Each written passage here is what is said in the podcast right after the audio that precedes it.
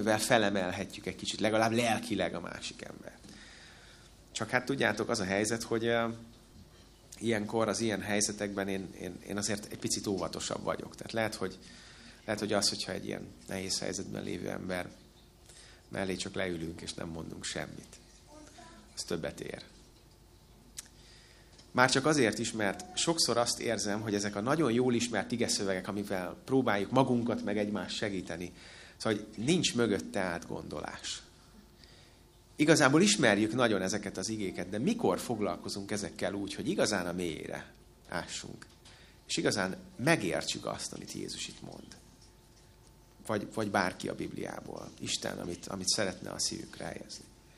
És én most egy picit ilyen más megközelítésből szeretném ezt az igét veletek átgondolni, mert hogy ez is egy ilyen ige, amit, amit úgy ismerünk, idézünk, mondunk, hogyha helyzet van, de hogy vajon, vajon tényleg így a, a mélyére látunk-e ezeknek a szavaknak? Ott vagyunk-e, vagyunk-e olyan helyzetben, hogy megértjük azt, amit nekünk akar mondani a Jóisten? Hát, hogyha megnézitek ezt az ige szakaszt, akkor itt igazából három felhívás van. Három felhívást ad Jézus nekünk. Az egyik az, hogy jöjjetek, a másik az, hogy vegyétek föl, a harmadik az, hogy tanuljátok meg. Hát az elejével még talán ki tudunk békülni, pláne olyan időszakban, mint amilyenben most kezd lenni ez a világ. Kezd lenni? Hát nem biztos, hogy kezd, mert 2020 óta, amióta a világjárvány kitört. Azért azóta elég rendesen szorongatnak bennünket a külső körülmények. Legyünk akár keresztények, adventisták, vagy, vagy nem hívő emberek. Szóval mindenki érzi azt, hogy valami történik ebben a világban. És akkor ahogy még éppen el sem múlik az egyik, már jön a másik, most jön egy háború, eh, aminek nem tudjuk mikor lesz vége, és ki tudja még milyen következményei lesznek. Ugye most már a mindennapjainkon érezzük, a gyülekezeti életünkön érezzük, eh, a rezsiszámlánkon érezzük, ugye, hogy, hogy, hogy mintha így elindult volna valami ilyen egyre lefelé húzó spirál, mint egy nagy örvény, ami húz le mindannyiunkat, független attól, hogy hívők vagyunk, hitetlenek vagyunk, mindegy, mindannyiunkat érint, és hogy eh, ezekben a nehéz helyzetekben az ember, hát igen, szóval, hogy amikor, amikor így arra gondolunk, hogy ez mennyire fárasztó, és, és egyre inkább azt érezzük, hogy fárasztóbb kezd lenni az élet, és hogy egyre több problémával kell szembesüljünk. De már nem csak úgy, hogy így a világnak a problémái, hanem ez most már kezd úgy minket is érinteni. Független attól, hogy, hogy, eh, hogy hova helyezzük magunkat ezen a világon. És hogy hát igen, azért az, ez, ez egy ilyen jó felhívás, amikor azt mondja Jézus, hogy, hogy jöjjetek, akik megfáradtatok, akik meg vagytok terhelve, és én megnyugtatlak titeket. Hát ez egy ilyen jó érzés, nem? Jó erre gondolni, hogy nekünk egy ilyen Istenünk van, aki így hív bennünket. És azt mondja, hogy gyertek, majd én gondoskodom rólatok. Bízzátok csak rám magatokat. Engedjétek el azokat a terheket, amiket cipeltek. És nyilván időről időre mm, talán ezt így meg is tesszük. És akár itt szombaton eljövünk a gyülekezetbe, és hát igen, jó ez a szombat, nem? Ugye mennyire jó, jó ez, hogy így, így el lehet engedni ezeket a hétköznapi zaklató dolgokat. Igen, ám csak, hogy ugye Jézus itt nem csak ezt mondja, ugye ez, ez az első része, az az első felhívás, hogy jöjjetek. De lehet, hogy néha már ezzel is vannak kihívásaink, nem? Tehát, hogy mennyire, mennyire ássuk bele magunkat így a, a munkánkba, a hétköznapi életünkbe, mennyire engednek a gondjaink minket Jézushoz. Mert hogy a, eh, nyilván vannak akadályozó tényezők, és egyre másra találkozhatunk olyan helyzetekkel, olyan élethelyzetekkel, amikor, eh, amikor nehéz, tényleg nehéz elengedni ezeket. Nehéz oda menni Jézushoz, letenni elé a kis hátizsákunkat, amiben lehet, hogy elég súlyos terheket cipelünk. Szóval, hogy már, ha már az elejével gondunk van, aminek először azért örülünk, nem? Tehát, hogy jó, jó dolog Jézushoz jönni, de hogy amikor így belegondolunk, hogy, hogy mondjuk akár napi szinten, hány és hány olyan impulzus ér bennünket, amikor Istenhez kéne mennünk, de, de nem, valamiért nem. A lendület, a sodrás, a, a rohanás, minden így, így egyszer nem engedi. És aztán pedig ott vagyunk, hogy tényleg meg vagyunk fáradva, és tényleg meg vagyunk terhelve. És egy olyan egyszerű dolgot nem tudunk, hogy a, a hétköznapi gondjainkat Isten elé vigyük, Jézus elé lerakjuk. És hát ami ezután következik, hát az már, az már egyenesen egy rémálom, nem? Azt mondja, hogy vegyétek föl magatokra az én igámat. Ez furcsa, nem? De furcsa is ez az egész. Tehát Jézus a megfáradt és megterhelt embereket akarja tovább terhelni. Még akar a nyakunkba akasztani valamit. Nem gondolkoztatok ezen, milyen furcsa ez, nem? Tehát, hogy, Jézus azt mondja, gyertek, mert tudom, hogy meg fáradva, tudom, hogy meg vagytok terhelve, tudom, hogy nyomasztanak az élet gondjai, és én rakok a nyakatokba még valamit. Ez milyen már? Ez, ez hogy van? Hát ki az, aki erre igent mond? Ki az, aki akár közülünk, de bárkinek ezt az ajánlatot kimegyünk a, az utcára, és azt mondjuk, hogy gyere Jézushoz, ő majd a nyakadba rak még valamit. Hát kinek hiányzik ez? Ki akar még valamit fölvenni? Még azok a nyomasztó hétköznapi, meg mindenféle egyéb terhek mellé, ki akar még valamit a nyakába venni? Hát egészen addig így van ez, amíg meg nem értjük igazából, hogy mit jelent. Persze így civilizált emberként, vagy ilyen urbánus e, lényként e, talán el is távolodtunk már annyira az ilyen, az ilyen dolgoktól, hogy, hogy, hogy muszáj visszamenni és megérteni azt, hogy mit is jelent az, hogy iga. Ugye? Mert hogy ez így, megmondom őszintén nektek, én sokáig úgy gondolkoztam erről, hogy ez valami teher. Ez egy plusz teher. És nem is értettem, hogy miért akar Jézus a meglévő terheim mellé még egyet adni. Na de. Hogyha megnézzünk egy akármilyen internetes oldalt, ahol a szavaknak a jelentése ott található, akkor hát én most kikerestem egyet, elmondom nektek, mit jelent az, ige, az iga. Ugye ez egy főnév. Húzó állatra tett fakeret. A földművelés során a munkát segítő állatok szerszámának az a része, mely általában két állat nyakára, vállára támaszkodik, és amelyhez közvetlenül húzó rész kapcsolódik. Ugye ez egy elég pontos leírás. És ennek, hogy ha esetleg nem voltak fogalmaink erről, akkor igen, tehát ugye ez egy mezőgazdasági eszköz. Amit arra használnak, hogy a munkát segítő állatokat szereljék föl vele. Na de tulajdonképpen mit csinál ez? Mert hogy, hát nyilván, hogyha a munkát segítő állatot még valami olyannal terheljük meg, ami egyébként akadályozza őt, akkor ez hogy segíti? Szóval, hogy, ugye ezt, hogyha összerakjuk és megpróbáljuk elképzelni, hogy ez, ez milyen, eh, ez tényleg egy, ugye azt mondja, hogy egy fakeret. Húzó állatot egy fakeret.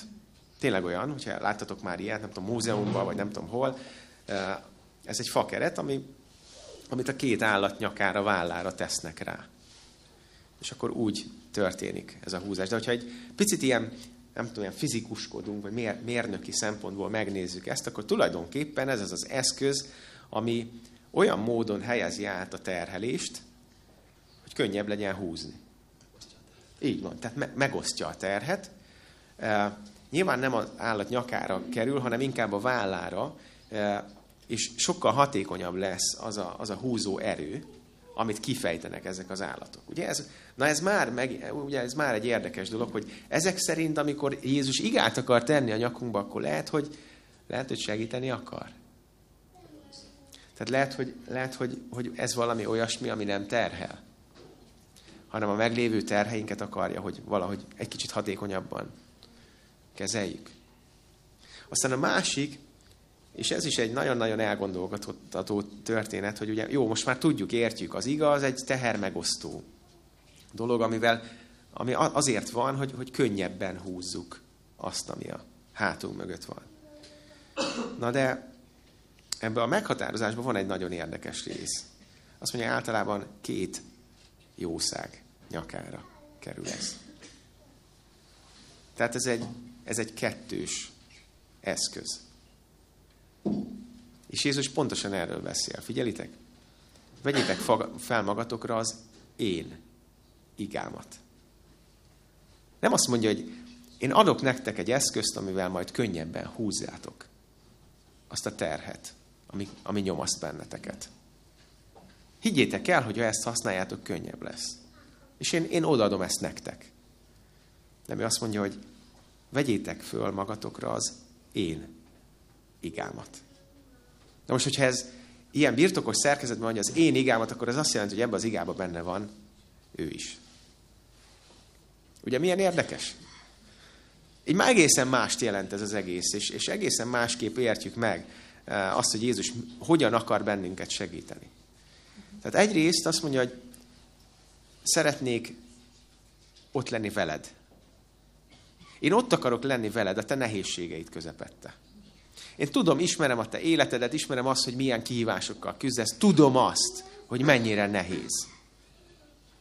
És én ott akarok lenni melletted. És szeretném felajánlani az én segítségemet, hogy ezt a terhet ne kelljen egyedül vidd, hanem hagyd, hogy beálljak mellét. És az az iga, amiről itt beszél, ez egy kicsit ugye teher megosztás. Nekünk is könnyebb, de elsősorban azért, mert ha Jézus bejön ebbe, a, ebbe az együttműködésbe, ha Jézus beáll ebbe a, ebbe a munkába, amit mi nap mint nap eh, egyre nehezebben végzünk, akkor, akkor az milyen? Szóval, hogy milyen az, amikor az Isten ott van mellettem, és szembesülnem kell a kihívásokkal. Ugye egy másik nagyon-nagyon ismert eh, szakasz a Bibliából az, amikor Pálapostól azt mondja, hogy ha Isten velünk, kicsoda ellenünk. És ez pontosan erről szól. Ez pontosan arról szól, hogy ha felveszed Jézus igáját, az ő igáját, azt az eszközt, amit ő biztosít arra, hogy megosszuk vele a terhet, akkor innentől kezdve sokkal könnyebb lesz az életed. És persze ezt lehet, hogy tudjuk. Meg hát így, így, így fejbe, ez így szerintem mindenkinél megvan. De hogy tényleg használjuk ezt, a, ezt az eszközt? Tényleg használjuk ezt a, ezt a megosztást? Tényleg behívjuk Jézust, ami mindennapi életünkben, amikor kibontunk egy levelet, és benne van egy számla, vagy amikor bármilyen más, nem feltétlenül anyagi természetű dologgal kell szembesülnünk, akkor tényleg eszünkbe jut ez? Hogy Istenem, segíts nekem, te megígérted azt, hogy te velem együtt akarod húzni ezeket a tereket. És, és nem csak akkor, amikor én már nem bírom, hanem nyilván az lenne jó, hogyha ez egy ilyen folyamatos együtt munkálkodás lenne a jó Istennel. Mert hogy ez egy, ez egy ilyen eszköz, amit Jézus ajánl. Ez egy ilyen ajánlat, amit Jézus ajánl. Nem a nyakunkba akar tenni még valamit, ami még jobban megterhel, hanem azt mondja, hogy én segítek neked. És az Isten húzza azt a szekeret, akkor képzeljétek el, hogy ez mi? Az már nem is szekér, az már egy rakéta. Mennyi, mennyivel könnyebb ez így? Nem akar bennünket egyedül hagyni ebben. Azt sem akarja, hogy egyedül maradjunk ebben, de nyilván az sem, hogy akkor innentől kezdve mi feltesszük a kezünket, és majd a jó Isten meg, megold mindent. Mert nyilván nem ez az üzenet. Mert hogy az üzenet többi része, a következő része, az a tanuljátok meg. Azt mondja, tanuljátok meg tőlem, hogy én szelíd és alázatos szívű vagyok. Hát, hogyha ezt a részét is megvizsgáljuk, és összevetjük a mai világnak az értékeivel, akkor nem feltétlenül a, a e, mai sikeres ember e, jellem tulajdonságai azok, amik kirajzolódnak előttünk. Mert ez a világ nem erről szól. Nem a szelítségről, meg nem, a, nem az alázatról. Bár mondjuk ez is érdekes, szóval az ilyen um, mellékneveket, mint szelíd is, alázatos, amik ilyen keresztényi értékrendben nagyon-nagyon erősen jelenlévő értékek, ha ezeket is megvizsgáljuk, hogy vajon tudjuk-e, hogy mit jelent. Ugye megint ott vagyunk, hogy igen, hát van egy, van egy elképzelésünk erről, amikor azt mondja, hogy Jézus milyen volt, próbáljuk elképzelni, nyilván az evangéliumok alapján, meg amit, amit itt tudunk, meg tapasztaltunk belőle. De hogy még a szelid azt hagyján, mert azt ugye el tudjuk képzelni. Igen, hát szelid ember az, aki nem vág vissza, meg amikor az autópályán rávillognak, akkor nem kezdi el mondani a magáét. Ugye? Szóval, de hogy alázat. Az alázattal, megmondom őszintén, én is sokáig bajba voltam, egészen addig, amíg el nem olvastam egy könyvbe egy ilyen meghatározást az alázatról. Mert mit gondolunk mi az alázatról, ugye? Amit meg kéne tanulni Jézustól ebbe a együttmunkálkodásba. Hát az alázat az valami, valami, valami olyasmi, és, és, és talán, hogyha így akárkit megkérdeznénk erről, csinálnánk egy ilyen kutatást, akkor, lehet, hogy azt, gondol, azt, azt a végeredményt kapnánk, hogy az alázatos ember az, akivel mindent meg lehet csinálni, nem? Tehát aki így, így el, elbírja. Nem szól vissza sose. Meg, meg ő az, aki ez a, ez, a, ez a kedves lúzer, ez a kedves vesztes, aki, akire egy rá lehet pakolni mindent, mert hogy úgy se fogja a szemünkre hányni. Ő az, akit így azt mondjuk neki, hogy ülj arrébb, akkor arrébb ül, ugye? Szóval, hogy valahogy ilyen furcsa kép él bennünk az alázatosságról. De igazából az alázatosság az nem ezt jelenti.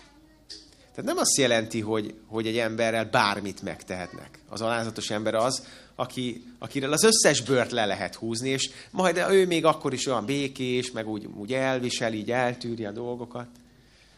Ez nem, nem az alázat. Ebben a könyvben, amit olvastam, ez nagyon, nagyon megmaradt, pedig már nagyon régen olvastam, az van, hogy tulajdonképpen az alázat az egy reális látásmód.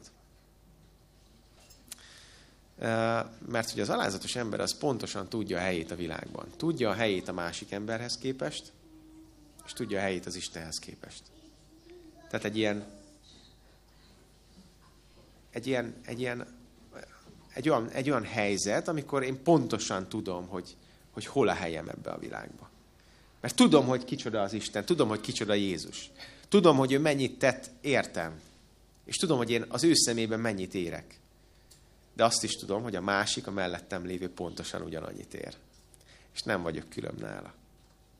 Ugyanolyan sérülékeny vagyok, ugyanolyan eh, küzdelmeim vannak. Nem vagyok jobb.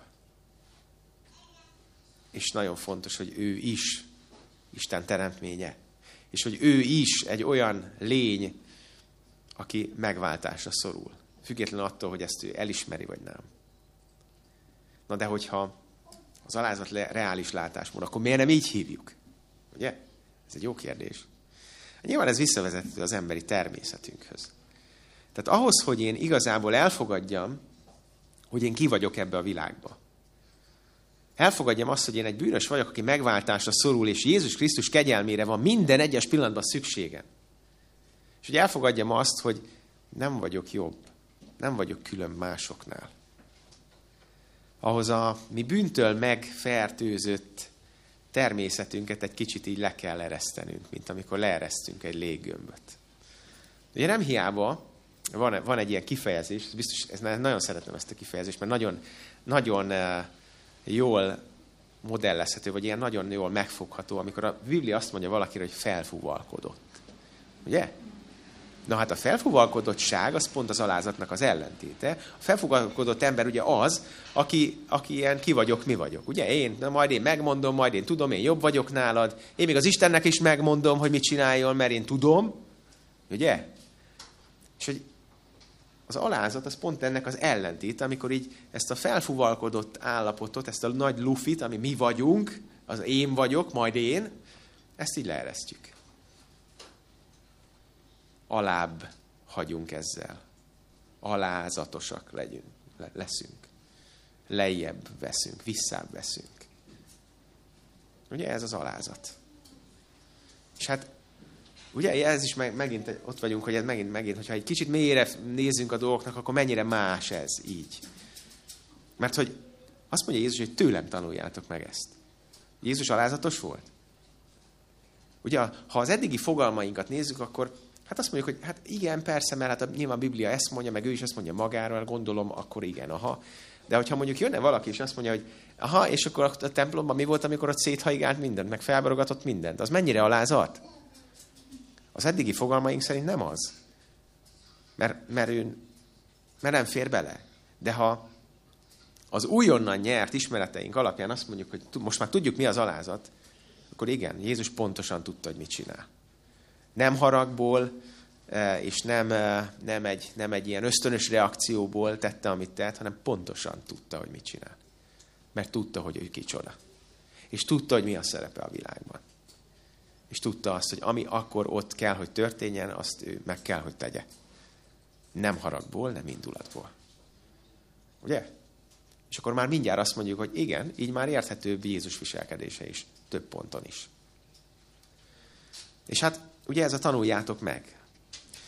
Ebben a, ebben a, a közös együtt munkában, amiben Jézus ott van mellettünk, és ott akar lenni mellettünk, hogy az élet terheit elhordozzuk, ebben nagyon fontos, hogy megtanuljuk, hogy mi a saját szerepünk ebben. Mert van saját szerepünk. Tudjátok, hogyha a keresztény élet egy olyan élet lenne, amikor átadom magam az Istennek, és onnantól kezdve minden problémám meg, megoldódnak, akkor nyilván minden ember keresztény akarna lenni. De ezt tudjuk, hogy nem így van. Mert az Isten azt mondja, hogy igen, én akarok veled együtt járni. Én akarok veled együtt működni. Én meg akarom oldani a te problémáidat, de ehhez te is kell lesz. Ez nem egy olyan, hogy te majd szépen ücsöröksz a széken, vagy beülsz a nagy fotelbe, és végignézed, ahogy én majd megoldom a helyzetet. Ez nem erről szól. És nagyon-nagyon fontos, és itt egy kicsit kapcsolódnék az Adra szolgálatához is, hogy eh, mi sem így dolgozunk. Ugye? Az okos segítségnyújtás az valahol ott kezdődik, hogy megnézzük, ahogy Isten minket néz, megnézzük, hogy mire képes a másik. És az alapján segít. Nem fogja, mint hogy Isten is a saját erőforrásainkat szeretné felhasználni. Ugye? Ezért kapunk például lelki ajándékokat. Mert ő szeretné a mi saját erőforrásainkat felhasználni. Megtehetné azt, hogy egy varázsütéssel mindent helyreállít, de nem, ő azt mondja, hogy nem, nem, ő szeretné, hogyha mi is benne lennénk ebben. Ő szeretné felhasználni ezeket az erőforrásokat, amik bennünk vannak. És amikor mi segítünk az Adránál, akkor mi is szeretjük ezt megnézni. Mert az a legkönnyebb, hogy így megoldani más helyett a dolgokat, nem? Vagy adni egy kis élelmiszercsomagot, vagy mit tudom én, mit, amire éppen szükség van. Tehát az nyilván egy tüneti kezelés nem biztos, hogy megoldja a problémát. Egyrészt, másrészt meg nem lesz elkötelezettség. És gondoljátok meg, hogy milyen, milyen mennyire tud elkötelezett lenni az ember egy olyan dolog iránt, vagy mennyire tudja értékelni azt, amit csak úgy, csak úgy az ölébe hullik.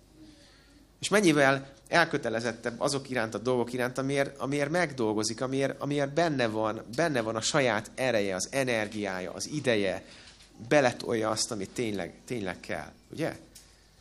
Szóval ezért nagyon fontos, hogyha már így a segítségnyújtásra és az okos segítségnyújtásról beszélünk, itt van benne. A Jóisten pontosan így segít rajtunk. És azt akarja, hogy ha már segítünk másokon, akkor mindenféleképpen vegyük figyelembe azt, hogy ő milyen módszerekkel dolgozik. És ez nagyon fontos. És hát ugye ahogy, a, a, a végére érünk ennek a három felhívásnak, fel, felszólításnak, akkor azt mondja, mert az én igám gyönyörűséges, és az én terhem könnyű. Ugye hát mikor elkezdtük ezen, elkezdtünk ezen gondolkodni, akkor ez még értelmezhetetlen volt nagyjából. Mert ha arra gondolunk, hogy Isten megint, a, most Isten is egy, beáll abba a sorba, aki, aki a nyakunkba akar akasztani még valamit, hogy még valamit vigyünk, még újabb problémákkal szembesüljünk, újabb dolgokat oldjunk meg, akkor, akkor ez a mondat ez egyszerűen értelmezhetetlen. Hogy lenne gyönyörűséges egy teher? Vagy, vagy egy iga, hogy lehet könnyű? Hogy lehet így könnyű? Hát úgy lehet könnyű. Úgy lehet könnyű, hogyha az Isten ott áll mellettünk. Ha beáll ebbe a, ebbe a munkamenetbe, amiben minket helyez, egyénileg, ott, ahol élünk, abba a munkakörnyezetbe, abba a családba, e, azok közé, a körülmények közé, ő el akar jönni, és ott akar lenni mellettünk. És ha Isten velünk, akkor kicsoda ellenünk. Milyen, milyen akadályok lehetnek még előttünk akkor, hogyha tényleg Isten ott van, és felvesszük ezt az igát? Akkor valószínűleg igen. Lehet, hogy e, nem leszünk világ legsikeresebb emberei földi értelemben. De könnyebb lesz az életünk. Mert van egy Isten, aki ott akar lenni melletted. Aki ott akar lenni, és osztozni akar a te legkisebb problémáiddal. Hányszor gondolkozunk úgy, hogy, hogy hát lehet, hogy jó lenne ezt Istennel megosztani, de hát ez, ez, ez túlságos, ez, az ő az ő helyzetéhez, az ő státuszához képest, ez túlságosan egyszerű. Hát miért vigyek dolgokat, apróságokat Isten elé? Vagy lehet, hogy azt gondoljuk, hogy nem is gondolunk erre, hanem csak visz bennünket a sodrás. Én velem sokszor előfordul sajnos. Hogy, hogy egyszerűen a, a muszáj csinálni, megyünk előre, pörög az élet, és egyszerűen néha megállok, és azt mondom, hogy hello, ez, ez hogy van? Álljunk már meg egy kicsit. Istent valahol lehagytam a sarkon. Vissza kéne fordulni. Oda kéne menni hozzá, Uram, egyáltalán jó az irány, amerre megyek? Vagy másfele kellett volna fordulni. Ugye? Szóval, hogy a, ezek a földi dolgok eléggé el, el tudnak ragadni bennünket. De hogyha alkalmazzuk ezt, ezeket az elveket, és megértjük azt, amit Jézus itt kér tőlünk, jöjjetek hozzá. És tényleg oda tudunk menni, és tényleg el tudjuk engedni a kontrollt, hogy nem mi vagyunk a megmondói, nem mi vagyunk a kitalálói a dolgoknak, a megoldói a dolgoknak. És hogyha tényleg alkalmazzuk ezt az eszközt, amit Jézus ajánl nekünk, hogy ő velünk együtt akarja húzni az élet terheit. És tényleg ebben az együtt munkálkodásban meg tudjuk tőle tanulni, hogy mi az a szelítség, hogy mi az az alázat, hogy hogyan láthatjuk reális módon saját magunkat és a világot, akkor valóban azt fogjuk tapasztalni, hogy az ő igája gyönyörűséges, és az ő terhe könnyű. Hát adja jó Isten, hogy ezt a mindennapokban megtapasztaljuk mindannyian. Amen.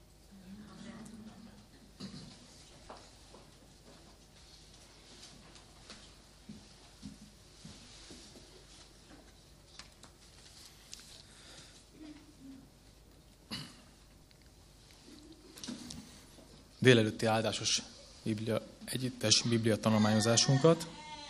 Fejezzük be a 200-as számú énekünk, első három versenek éneklésével, majd imádság után a negyedik verset énekeljük.